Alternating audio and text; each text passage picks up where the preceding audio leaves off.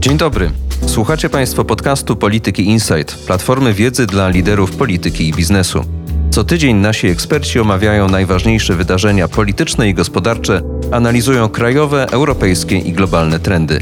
Ja nazywam się Marek Świerczyński i w Polityce Insight prowadzę dział bezpieczeństwa i spraw międzynarodowych. Zapraszam na kolejny odcinek naszego podcastu.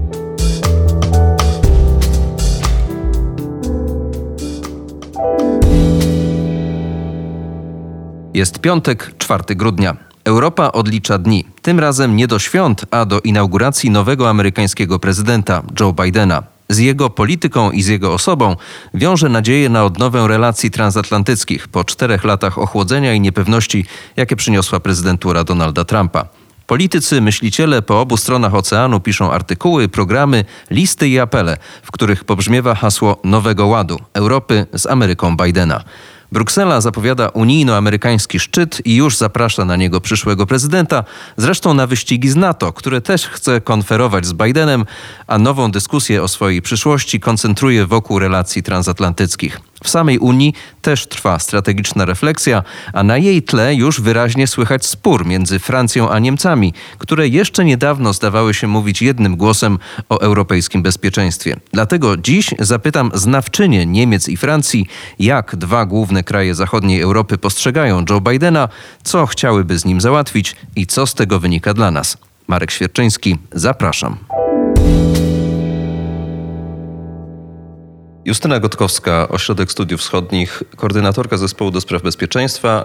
Ty zajmujesz się szeroko rozumianym bezpieczeństwem, nie tylko w Europie Środkowej, a ta Europa Środkowa to również Niemcy oraz kraje skandynawskie. Przyszedłem do ciebie po to, żebyś mi opowiedziała, jak bardzo Niemcy się cieszą.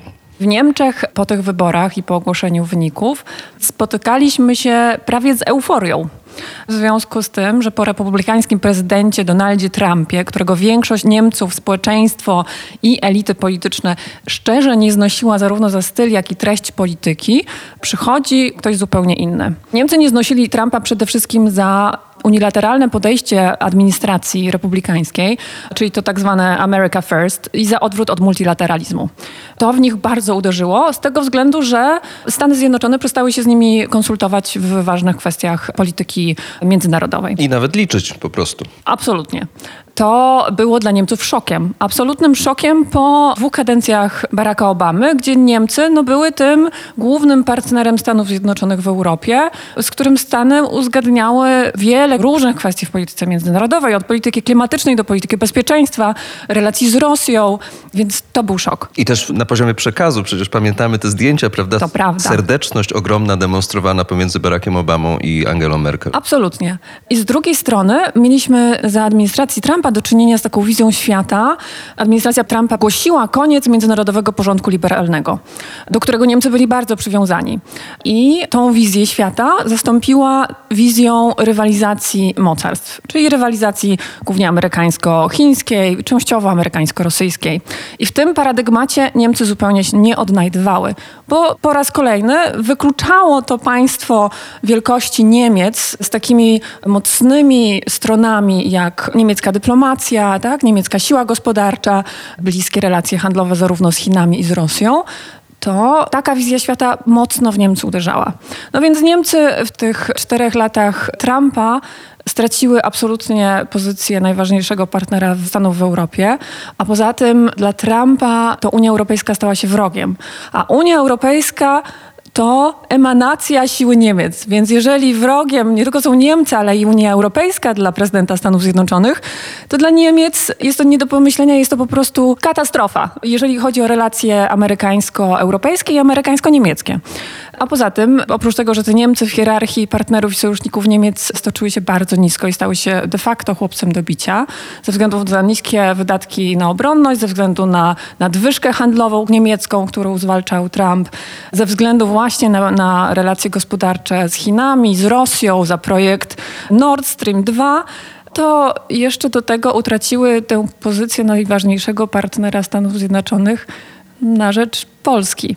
I to też dla Niemców był duży szok. I z tym również Niemcy no, nie mogły się tak do końca pogodzić. Czyli w tym, co mówisz, widać wyraźnie, że Niemcy może nie tyle mają takie wielkie nadzieje związane z Bidenem, co mają poczucie wielkiej ulgi związane z odejściem Trumpa. To prawda, na pewno Niemcy czują wielką ulgę, ale też wiążą duże nadzieje z Bidenem i z administracją demokratyczną. Z tego względu, że odmiennie od administracji Trumpa, ta administracja zapowiada stawianie na odnowę amerykańskich sojuszy, przede wszystkim NATO. Niemcy bardzo się sprzeciwiały temu bilateralizmowi, czyli bilateralnemu podejściu do sojuszników, które prezentowała administracja Trumpa i w którym to podejściu to Polska, częściowo Rumunia zyskiwały na znaczeniu, a Niemcy Niemcy nie. To podejście administracji Bidena do NATO, czyli ponowne, wielostronne prowadzenie konsultacji z wszystkimi sojusznikami wzmacnia Niemcy, które są największym europejskim sojusznikiem w NATO, no i największym państwem w Unii Europejskiej. I miejscem w Europie, gdzie stacjonuje najwięcej amerykańskich żołnierzy i nadal tak będzie, prawda? Bo zapewne jedną z pierwszych decyzji administracji Joe Bidena, już wielokrotnie zapowiedzianą niemalże jako pewną, będzie wstrzymanie, być może anulowanie tej zapowiedzi wycofania sporej części kontyngentu amerykańskiego z Niemiec. To prawda, Niemcy na to liczą, przy czym paradoksalne jest to, że jak obserwuję Niemcy, to Niemcy wiążą tę amerykańską obecność wojskową przede wszystkim z prestiżem, z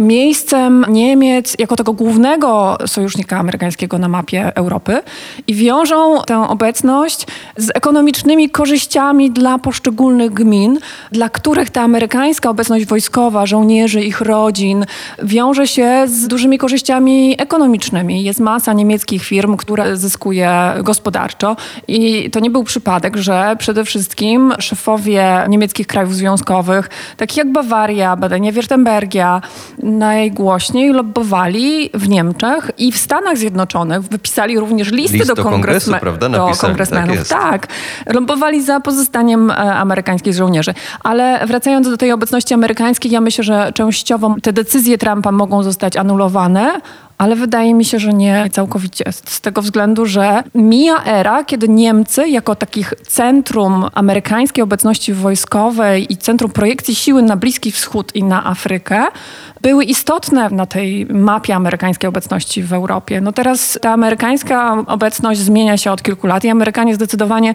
stawiają na tą stałą rotacyjną obecność przede wszystkim w Polsce, ale również w Rumunii i zobaczymy, czy administracja Bidena utrzyma te zapowiedzi administracji Trumpa co do zwiększenia obecności wojskowej w regionie Morza Czarnego, na czym skorzysta przede wszystkim Rumunia. Obserwujemy w Niemczech interesujący zwrot bo jakby w oczekiwaniu i po tym, kiedy stało się już to jasne, że właśnie następuje zmiana w Białym Domu, zwycięża w wyborach Joe Biden, w tym mniej więcej okresie z Niemiec płyną komunikaty całkowicie zmieniające ten dyskurs, który przez kilka ostatnich lat istniał w Europie, to znaczy odcinające się od francuskiego pomysłu autonomii strategicznej i podkreślające niezbędność Stanów Zjednoczonych dla obrony i bezpieczeństwa Europy.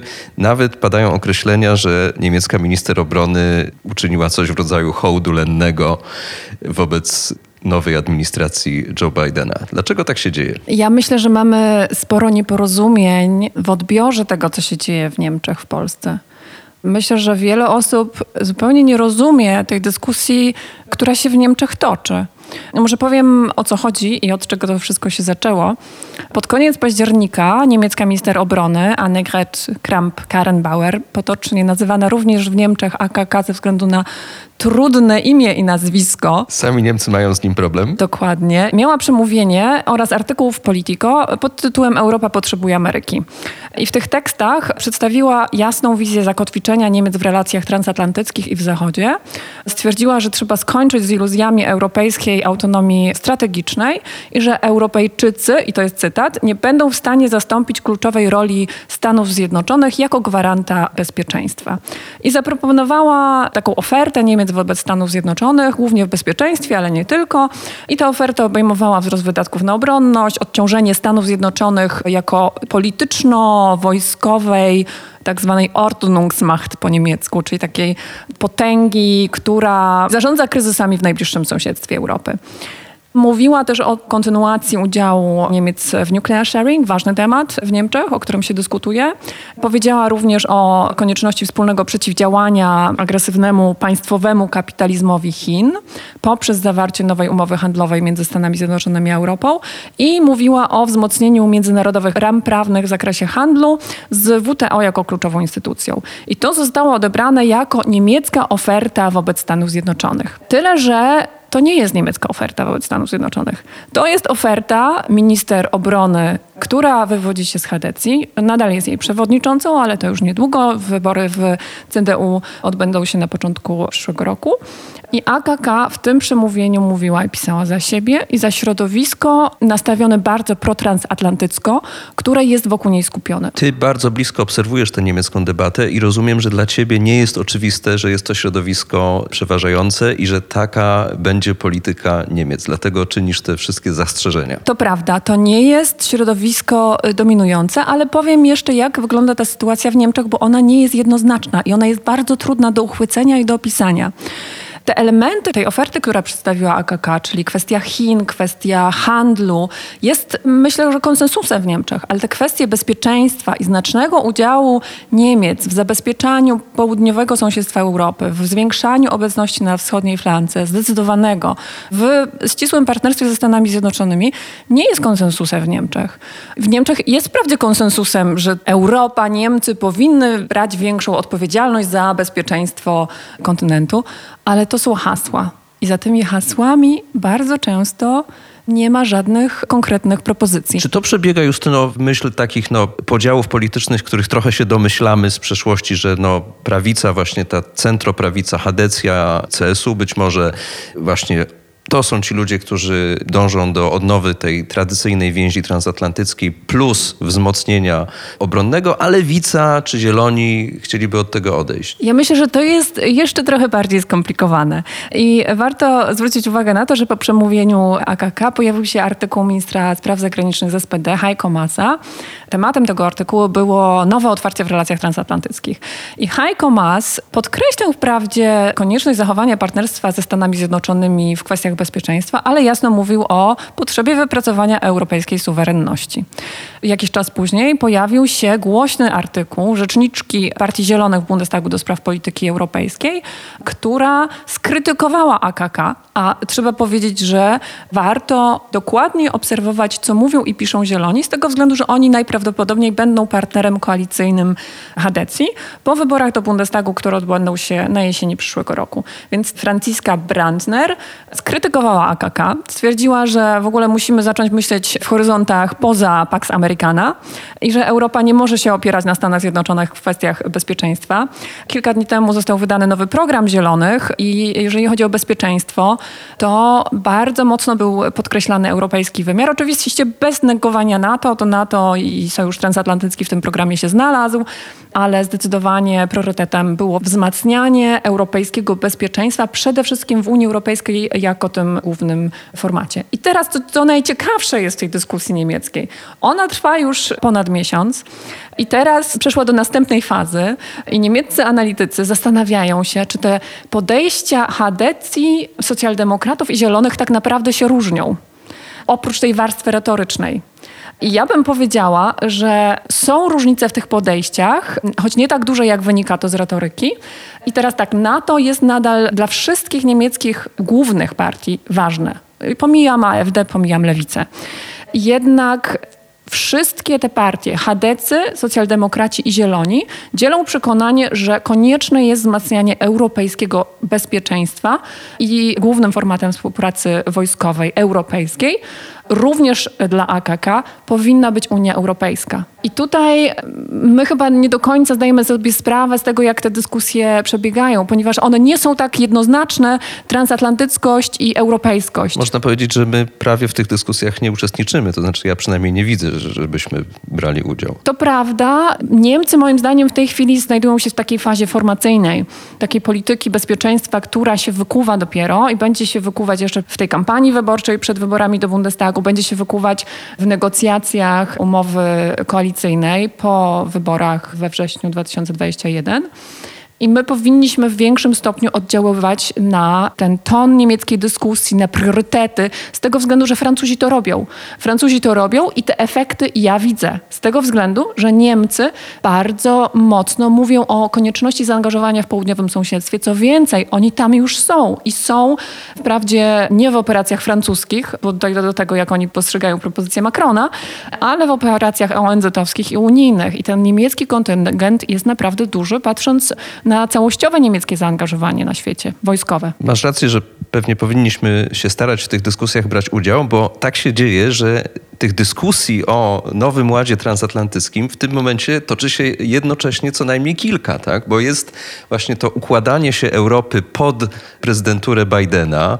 Za chwilę pewnie będziemy mieli, już mamy sygnały ze strony amerykańskiej, jak oni z kolei by to mogli widzieć. Zobaczymy oczywiście, kto zostanie zatwierdzony ostatecznie na tych najważniejszych stanowiskach. Toczy się również ogromna debata w NATO. Właśnie w tych dniach prezentowany jest raport dotyczący przyszłości sojuszu w perspektywie 2030 roku i te wszystkie rzeczy są ze sobą ściśle powiązane. To prawda, one są powiązane, ale też mam czasem wrażenie, że przebiegają na zupełnie różnych płaszczyznach, że ta dyskusja europejska europejska jest czasem oderwana od tej dyskusji w, w ramach NATO.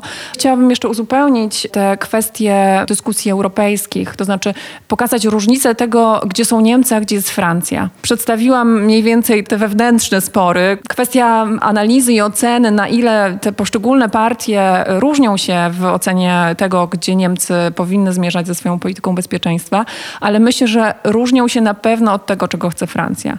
I tak, Francuzi i Niemcy uważają, że Europa musi wziąć więcej odpowiedzialności za bezpieczeństwo i Francuzi widzą przede wszystkim Unię Europejską jako format, który powinien w większym stopniu być wzmocniony, natomiast Niemcy widzą zarówno Unię, jak i NATO. I to widzimy również w retoryce. Francuzi posługują się koncepcją europejskiej autonomii strategicznej, ponieważ chcą, żeby Europa była oddzielnym filarem w tych relacjach międzynarodowych pomiędzy Stanami Zjednoczonymi, Chinami i Rosją. Jeżeli są zbieżne interesy, to oczywiście we współpracy ze Stanami Zjednoczonymi, ale jeśli ich nie ma, to nie. To nawet w kontrze do Stanów Zjednoczonych. Niemcy natomiast używają słowa europejska suwerenność. I to jest semantyczna różnica i jest różnica taka w treści również. Niemcy chcą zwiększenia podmiotowości Unii Europejskiej w relacjach międzynarodowych, ale są przywiązani do koncepcji Zachodu, do relacji transatlantyckich i chcą dalszego funkcjonowania NATO, ale też chcą większej swobody w przypadku różnic interesów w kwestiach handlowych, gospodarczych ze Stanami Zjednoczonymi. Czy ta ewolucja nastąpiła w ostatnim czasie, bo mi osobiście jeszcze 2-3 lata temu, kiedy były te deklaracje Macrona, prezydenta Francji i kanclerz Merkel, no wydawało się, że tym obu krajom jest bardzo po drodze. Chcą budować taką jakby wyspę niezależności strategicznej w Europie, a co za tym idzie również w NATO. Rozumiem, że to się zmieniło. Dlatego te Niemcy są tak trudne do śledzenia i do analizy, że ta niemiecka retoryka jest często myląca. I tutaj najlepszym przykładem jest to, że Francuzi właśnie tak myśleli. Ze względu na niemiecką retorykę, na to, co mówiła Merkel, na to, jak media pisały o niemieckiej polityce bezpieczeństwa, że Niemcy idą ścieżką europejską. Francuzi się mocno rozczarowali Niemcami w ostatnich latach, ponieważ Niemcy nie poszły tą ścieżką, którą chciał Paryż, czyli tą rzeczywiście ścieżką europejskiej autonomii strategicznej. I to rozczarowanie w Niemczech rok temu mniej więcej było bardzo silne.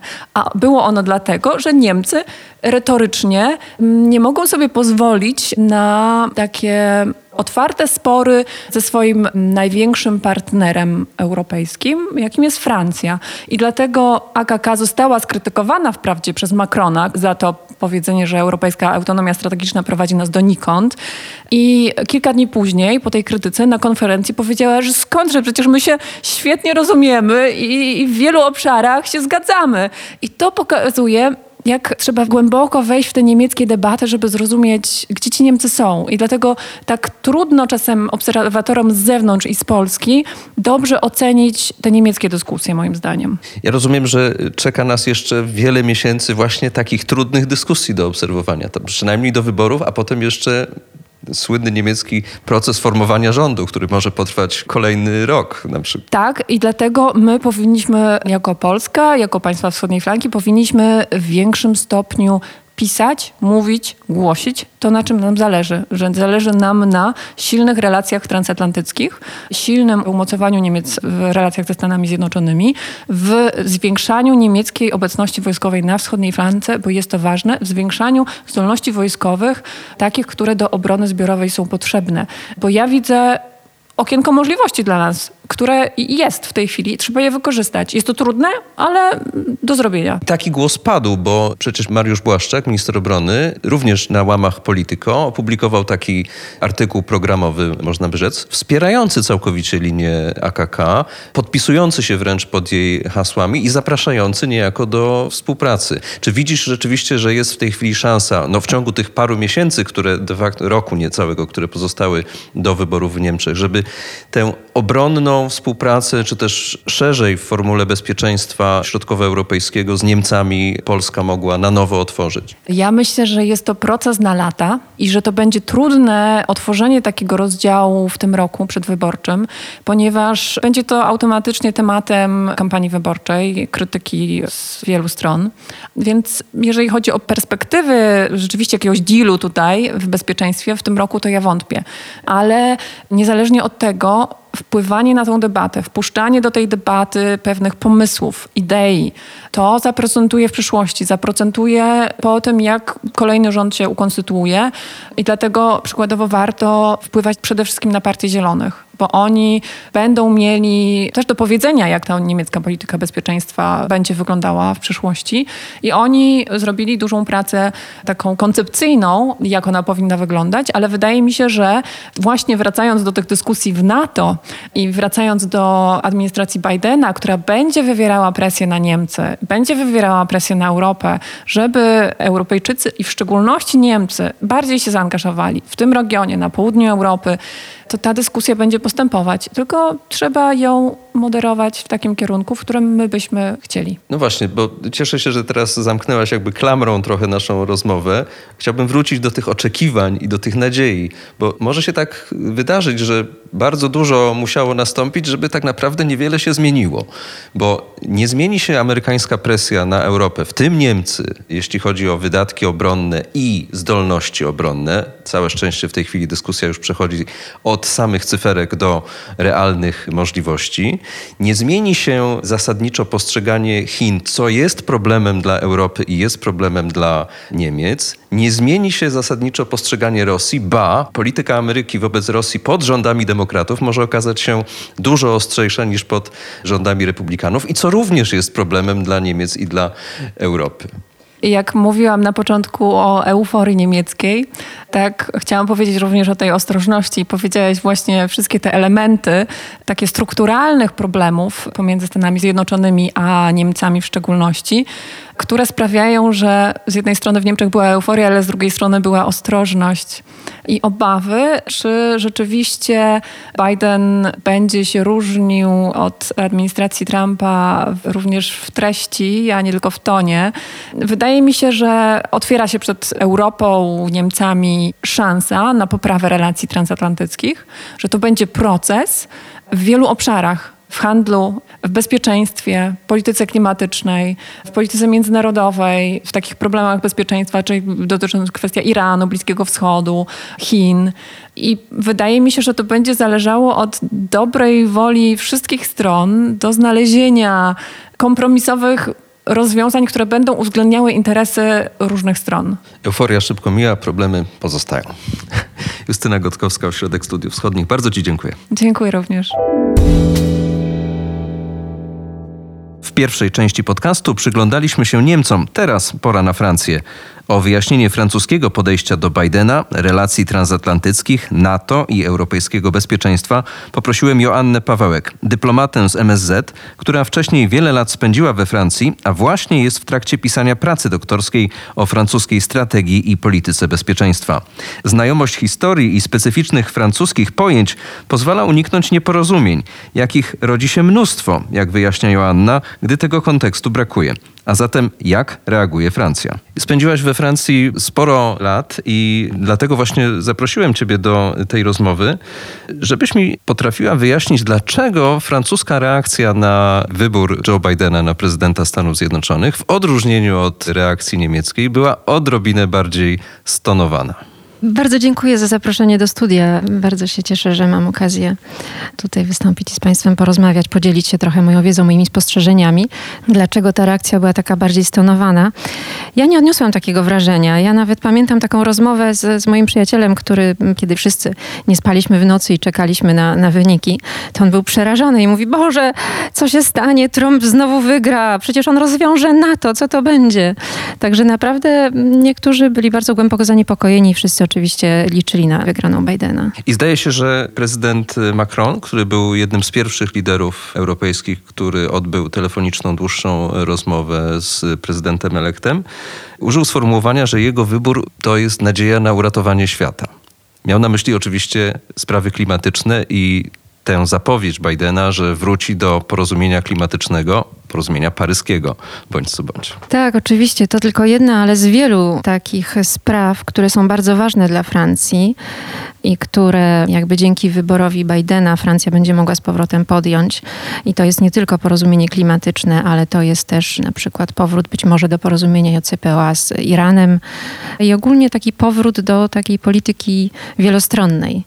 Czyli podobnie jak Niemcy, to jest główna nadzieja Francji, tak, w tym momencie, że Biden odtworzy te relacje transatlantyckie w takiej tradycyjnej formule, jak to kiedyś bywało, Stany Zjednoczone przy jednym stole, rozmawiające jak równy z równym, mimo tej różnicy potencjałów. Myślę, że Francja liczy na Stany Zjednoczone jako tego prowadzącego pewne sprawy międzynarodowe, chociaż jednocześnie, tak jak mówisz o tym pewnym umiarkowaniu, to może warto przypomnieć, prawda, jak oceniano, teraz pojawiły się ostatnio takie artykuły, między innymi Bruno Tertre, wicedyrektor Fundacji Badań Strategicznych, analizował, że tak naprawdę, jeżeli chodzi o niektóre decyzje Obamy, czy podejścia Obamy do spraw politycznych we Francji, no też Francuzi nie byli nimi zachwyceni. Chociażby uznano, że dość chłodno tak naprawdę Obama zareagował choćby na operację w Mali w 2013 roku. Ja pamiętam, jeszcze byłam we Francji, kiedy była ta pamiętna noc, kiedy wszyscy się zastanawialiśmy, czy po przekroczeniu czerwonej linii dojdzie do uderzenia na Syrię, wtedy na Bashar al-Assada. Także polityka Obamy, Francuzi oceniają, że ona była jednak takim powoli wycofywaniem się z pewnych spraw międzynarodowych, z takiego bardzo, można powiedzieć, podejścia, nie wiem, właśnie walecznego, czy narzucającego swoją wolę innym. I też nie jest całkiem prawdą, że te stosunki francusko-amerykańskie za prezydentury Donalda Trumpa były takie całkiem złe, bo przecież chociażby na polu wojskowym ta współpraca rozwijała się niezwykle intensywnie nie tylko wspólne ćwiczenia i demonstrowanie zdolności obronnych na Morzu Śródziemnym chociażby, ale wspólne operacje, zwłaszcza w Afryce. Tak, Francja ma bardzo bogatą historię tak naprawdę, jeżeli chodzi o współpracę wojskową z Stanami Zjednoczonymi i to jest absolutnie główny partner tak naprawdę i o to zawsze zresztą Francja zabiegała. Oni działają w tych samych teatrach, mają bardzo bliską współpracę. Od tej strony wojskowej i dyplomatycznej chyba niewiele więcej dałoby się w tym momencie poprawić ze strony Paryża, bo też nie do końca wiadomo, jak będzie wyglądała jeśli chodzi o konkrety polityka Joe Bidena. To dopiero wyłoni się w przyszłym roku po zatwierdzeniu ludzi na stanowiska. Czego Francja oczekuje i czy w tej chwili formułuje jakieś postulaty pod adresem Waszyngtonu? No tak, mamy bardzo taki, można powiedzieć, francuski dyplomatyczny sposób działania w tym momencie, dlatego że 17 listopada został opublikowany wspólny list ministrów spraw zagranicznych Francji i Niemiec. Minister spraw zagranicznych Francji, Jean-Yves Le Drian, wcześniej był ministrem obrony za prezydentury François Hollande. I w tym liście tak naprawdę, jak to komentował mój znajomy Bruno Tertre, mówi, no to się wydaje, że to jest takie dyplomatyczne gadanie, ale tam naprawdę naprawdę jest bardzo konkretna agenda, tak naprawdę są bardzo konkretne oczekiwania wobec Stanów Zjednoczonych. Między innymi można tutaj wspomnieć o tym, że Francja chciałaby, żeby został przedłużony traktat New Start.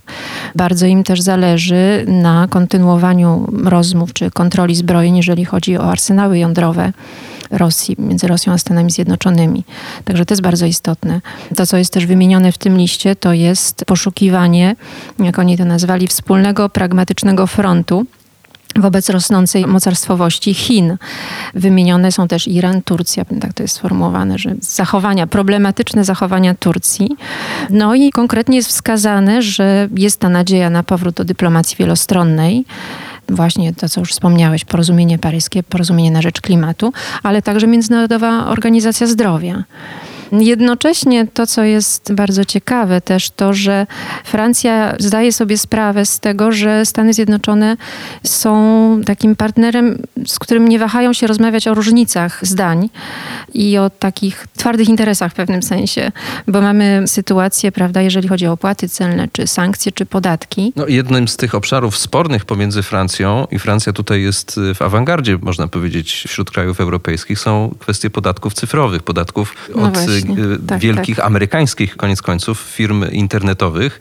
Dopiero co właśnie Paryż ogłosił, że każe płacić zaległe podatki tym wielkim firmom, a z kolei ze strony amerykańskiej słychać, że to prawdopodobnie będzie jeden z trudniejszych obszarów do wynegocjowania, jeżeli już do tego nowego ładu między Ameryką Bidena i Europą dojdzie. Tak, ale tak to właśnie będzie wyglądało. To znaczy, mnie się wydaje, że będą to bardzo rzeczowe, bardzo konkretne rozmowy. I myślę, że to, co na pewno, mówisz w pewnym takim umiarkowanym podejściu, ale jednocześnie to, co myślę da Francji duże poczucie bezpieczeństwa, jeżeli chodzi o negocjowanie czy o załatwianie spraw, to jest pewien taki klasyczny, tradycyjny styl podejścia do administracji, prawda? Administracji, która wypracowuje rozwiązania, która przygotowuje różnego rodzaju negocjacje, pracuje nad tym. Bardzo często są powoływane różne grupy robocze, także nie będą to jakieś działania ad hoc, natomiast wszystko będzie bardzo rzetelnie przygotowane. Tak myślę, że tak, tak tego oczekują. W tle tej dyskusji dotyczącej przyszłych relacji Ameryki z Europą toczy się na nowo dyskusja, a może nawet już spór pomiędzy Berlinem a Paryżem dotyczący pojmowania europejskiej suwerenności, czy też europejskiej autonomii strategicznej. Mieliśmy do czynienia w ostatnich tygodniach no, z wymianą ciosów, można powiedzieć, takich retorycznych pomiędzy prezydentem Macronem, tak, tak, niemiecką minister e, obrony. I to jest troszeczkę, tak jak mówię, w tle tej debaty euroatlantyckiej, bo Niemcy dokonały jednoznacznego zwrotu w stronę Ameryki i deklarują wolę pełnej współpracy, można nawet powiedzieć poświęceń, tak, dla budowania tego nowego transatlantyckiego ładu. No i robią to kwestionując podejście francuskie. No, trzeba sięgnąć troszeczkę do historii, która jakby, no dla mnie przynajmniej też była mało, mało znana, żeby zrozumieć, że ten zwrot, o którym mówisz, ten zwrot Niemiec no, nie jest żadnym zwrotem. Tak było od samego początku. To są początki po II wojnie światowej. Tak naprawdę ułożenia tej sytuacji w Europie, kiedy część Niemiec była tą strefą okupowaną, no druga część, prawda, była okupowana z drugiej strony trzeba, myślę, w tej takiej relacji z Niemcami, jeżeli chodzi właśnie o te kwestie autonomii strategicznej, czy o te kwestie debaty na temat właśnie obronności, czy jakiejś takiej współpracy europejskiej, to trzeba naprawdę sięgnąć do pewnego jakby zrozumienia francuskiej perspektywy, która tak naprawdę no, była dla Francji bardzo trudna, dlatego że mamy 1870 rok, mamy wojnę francusko-pruską, no i Francja dostała wędki. Mamy 1914, też nie było łatwo i mamy wreszcie 1939-40, no tutaj już było grubo i gdyby nie de Gaulle, to też w zasadzie nie wiadomo, jakby się to skończyło. A możemy podejrzewać, jakby się to skończyło, dlatego że oglądałam jakiś czas temu taki właśnie film dokumentalny na Arte, gdzie było pokazane, że były już drukowane francuskie dolary. To znaczy Ameryka szykowała się na to, że Francja będzie strefą okupowaną, tak samo jak Niemcy, ponieważ no, współpracowała z Hitlerem. Pokazywane były zdjęcia szkoleń dla przyszłych prefektów. Amerykanie byli szkoleni do tego, żeby być prefektami we Francji.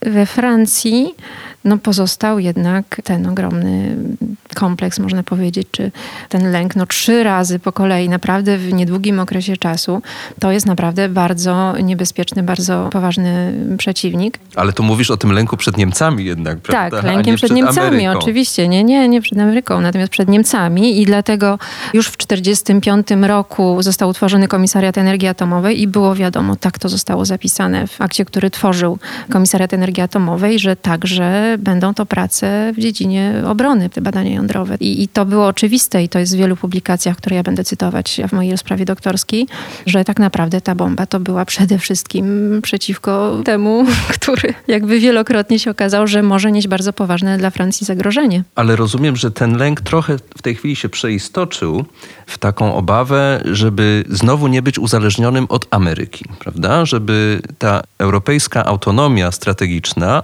oznacza to, żeby nie musieć znowu być skazanym na pomoc Ameryki, oczywiście być może nie przeciwko Niemcom, czy też nie w obronie przed Niemcami, ale przed jakimkolwiek większym zagrożeniem. To nie do końca, dlatego że jakby Francja tak naprawdę nie ma problemu z sojuszami. Ona jest jak najbardziej za sojuszami. Natomiast ma takie, ja w zeszłym tygodniu oglądałam na Zoomie bodajże była konferencja o dziesięcioleciu traktatów Lancaster House. To są te traktaty o współpracy obronnej między Francją a Wielką Brytanią.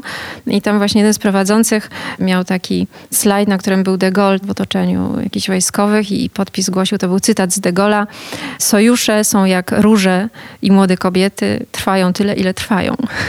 Także tak to można widzieć, natomiast jak najbardziej, to znaczy de Gaulle był za sojuszami, natomiast chciał pewnej równowagi w tych sojuszach. Natomiast jeżeli chodzi o kwestię Niemiec, to tak naprawdę do tej pory w sumie to wszystko, co się dzieje, to jest troszeczkę jakby w tej logice, która była u podstaw wspólnoty węgla i stali.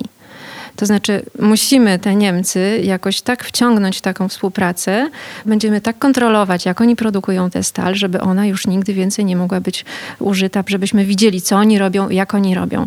I później słynna sprawa z tą Europejską Wspólnotą Obronną, której Francja nie ratyfikowała, parlament odrzucił to. Jaki zatem z tyłu cel? No, cel był taki, że Stany Zjednoczone powiedziały, należy ponownie uzbroić Niemcy, prawda? I to wtedy Stany, więc jakby to od tego momentu można powiedzieć, te relacje między Stanami Zjednoczonymi a Niemcami versus Francja są we francuskim pojęciu takie szczególne, że po prostu w pewnym sensie pod presją Stanów Zjednoczonych Niemcy musiały być uzbrojone i żeby zachować kontrolę nad tym zbrojeniem, no to wtedy pomyślano, może zrobimy coś takiego jak ta wspólnota węgla i stali, to znaczy może zrobimy jakąś taką europejską, żeby nie było Narodowej Armii Niemieckiej już nigdy więcej, więc może, prawda, tam uda się to jakoś jakoś w ten sposób załatwić. Więc u podstaw było to, prawda? Jednak to był ten taki, takie obawy swego rodzaju i żeby się już pewne rzeczy nigdy więcej nie powtórzyły.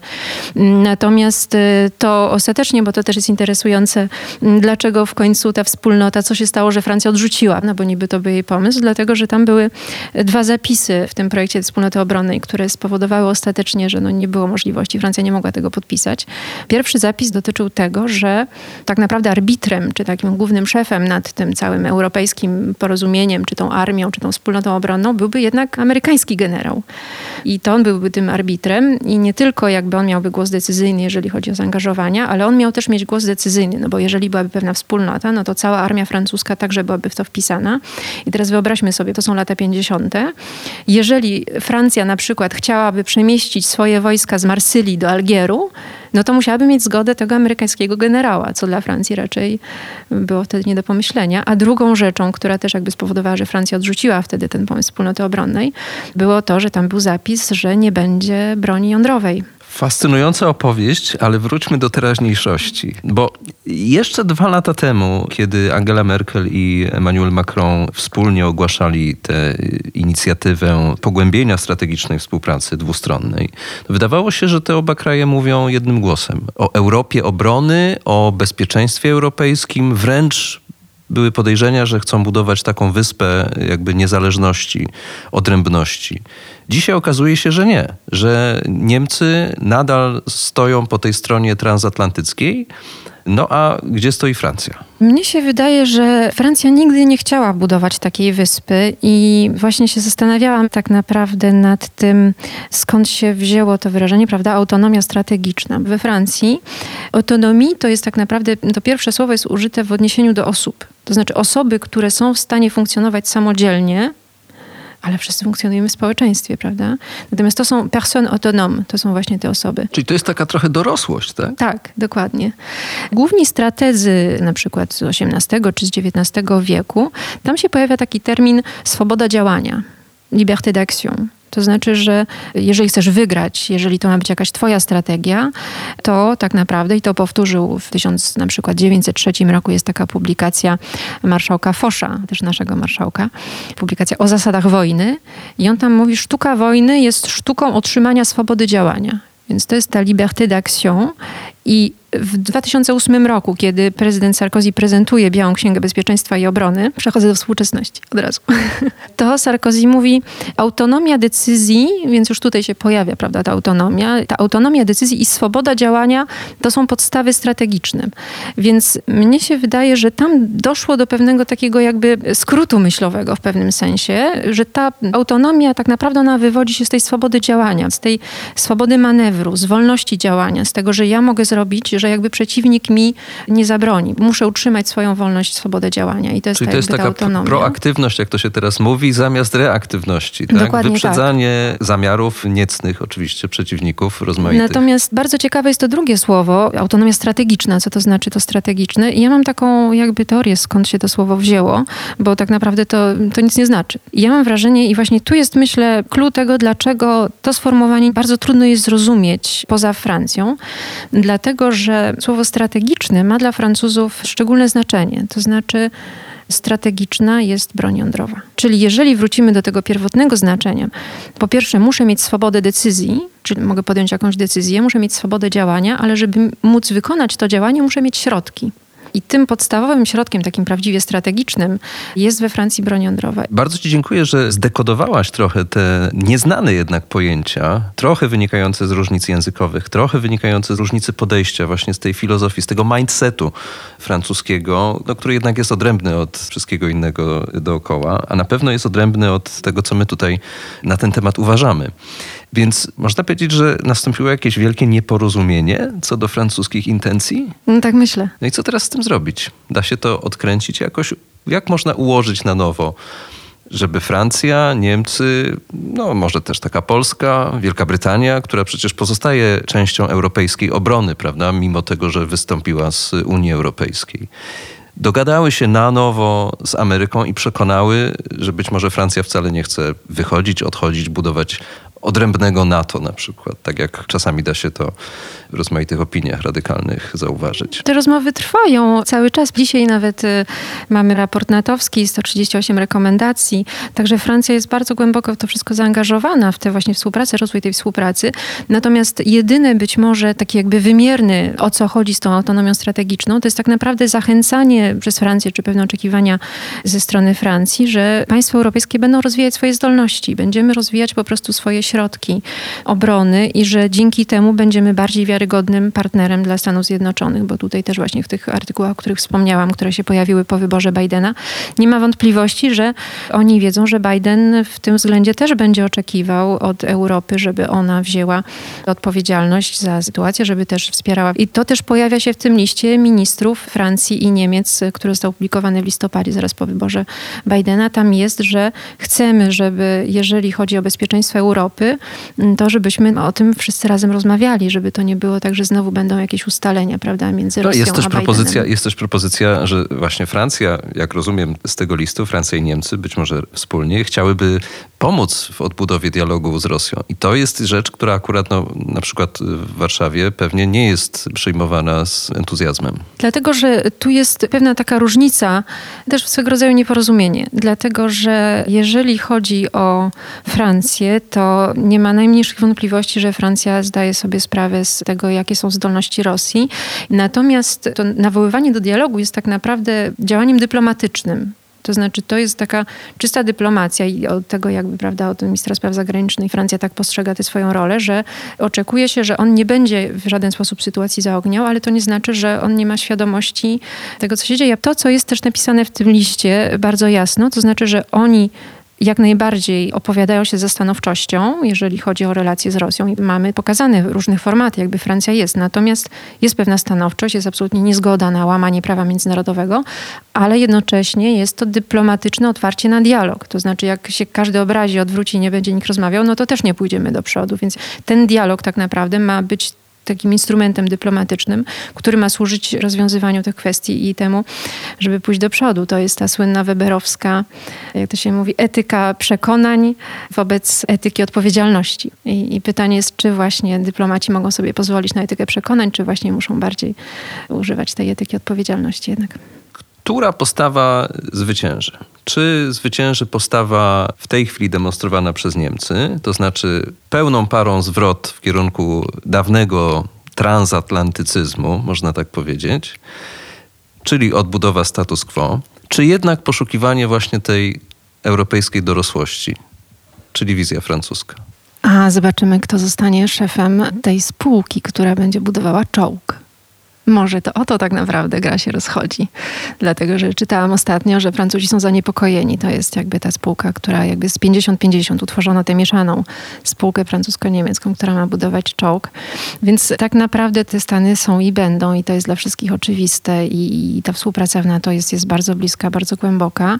Natomiast y, też będą te takie rywalizacje między Francją a Niemcami dotyczące też kwestii zbrojeniowych, wszystkich kwestii dotyczące zgody na eksport, Airbusa, mamy teraz ten program lotniczy. Także ta współpraca posunięta jest bardzo daleko, bardzo głęboka. Bruno Tertre jakby w swoim artykule też wyartykułował, że hmm, no tak, no jak był ten Trump, no to faktycznie ta Europa, można było mówić, trzymajmy się razem, prawda, w tej sytuacji. Natomiast no teraz jak jest Biden, no to kurczę, no. Zaczęła się rywalizacja o to, kto lepiej ułoży sobie stosunki z Bidenem. Tak, no to jest niewykluczone. Natomiast no tutaj trzeba powiedzieć, że jednak Francja, myślę, myślę, jest bardzo dumna z tego, że są doskonali frankofonowie, jak to oni mówią, prawda, w administracji Bidena i mamy, no oczywiście Tony, który jest... Tony Blinken, przyszły szef dyplomacji amerykańskiej. Tak, Tony Blinken zamieszkał w Paryżu w wieku 9 lat i, i tam chodził do szkoły, do liceum, także no mówi doskonałym. Od razu, prawda, jak tylko została ogłoszona jego nominacja, od razu pojawiły się fragmenty wywiadów, gdzie mówi absolutnie doskonałym francuskim, jak to Francuzi, no prawie doskonałym, ale mówi absolutnie doskonałym francuskim, ale też to wykształcenie tak naprawdę, to francuskie gimnazjum czy szkoła też uczy tego, żeby to rozumienie było na tych samych poziomach, żeby było to wspólne podejście. Także to jest no jakby ogromny atut, można powiedzieć, w relacjach dla Francji, w relacjach z administracją Bidena. Mamy Johna Kerry'ego, którego matka urodziła się w Paryżu i który praktycznie wszystkie wakacje spędzał w Brytanii. Też biegle mówi po francusku i jest jak najbardziej, można jak to mówią Francuzi, wygrany dla Francji, jeżeli chodzi o to porozumienie klimatyczne. O Francji i o Francuzach i o języku francuskim opowiadała Joanna Pawełek. Dziękuję Ci bardzo. Dziękuję bardzo, do widzenia. Na dziś to wszystko. Na kolejny odcinek podcastu Polityki Insight zapraszam w przyszłym tygodniu. Posłuchajcie również naszych innych audycji, które znajdziecie w większości aplikacji podcastowych. W pole wyszukiwania wpiszcie po prostu Polityka Insight. Słuchajcie, obserwujcie i komentujcie. Do usłyszenia.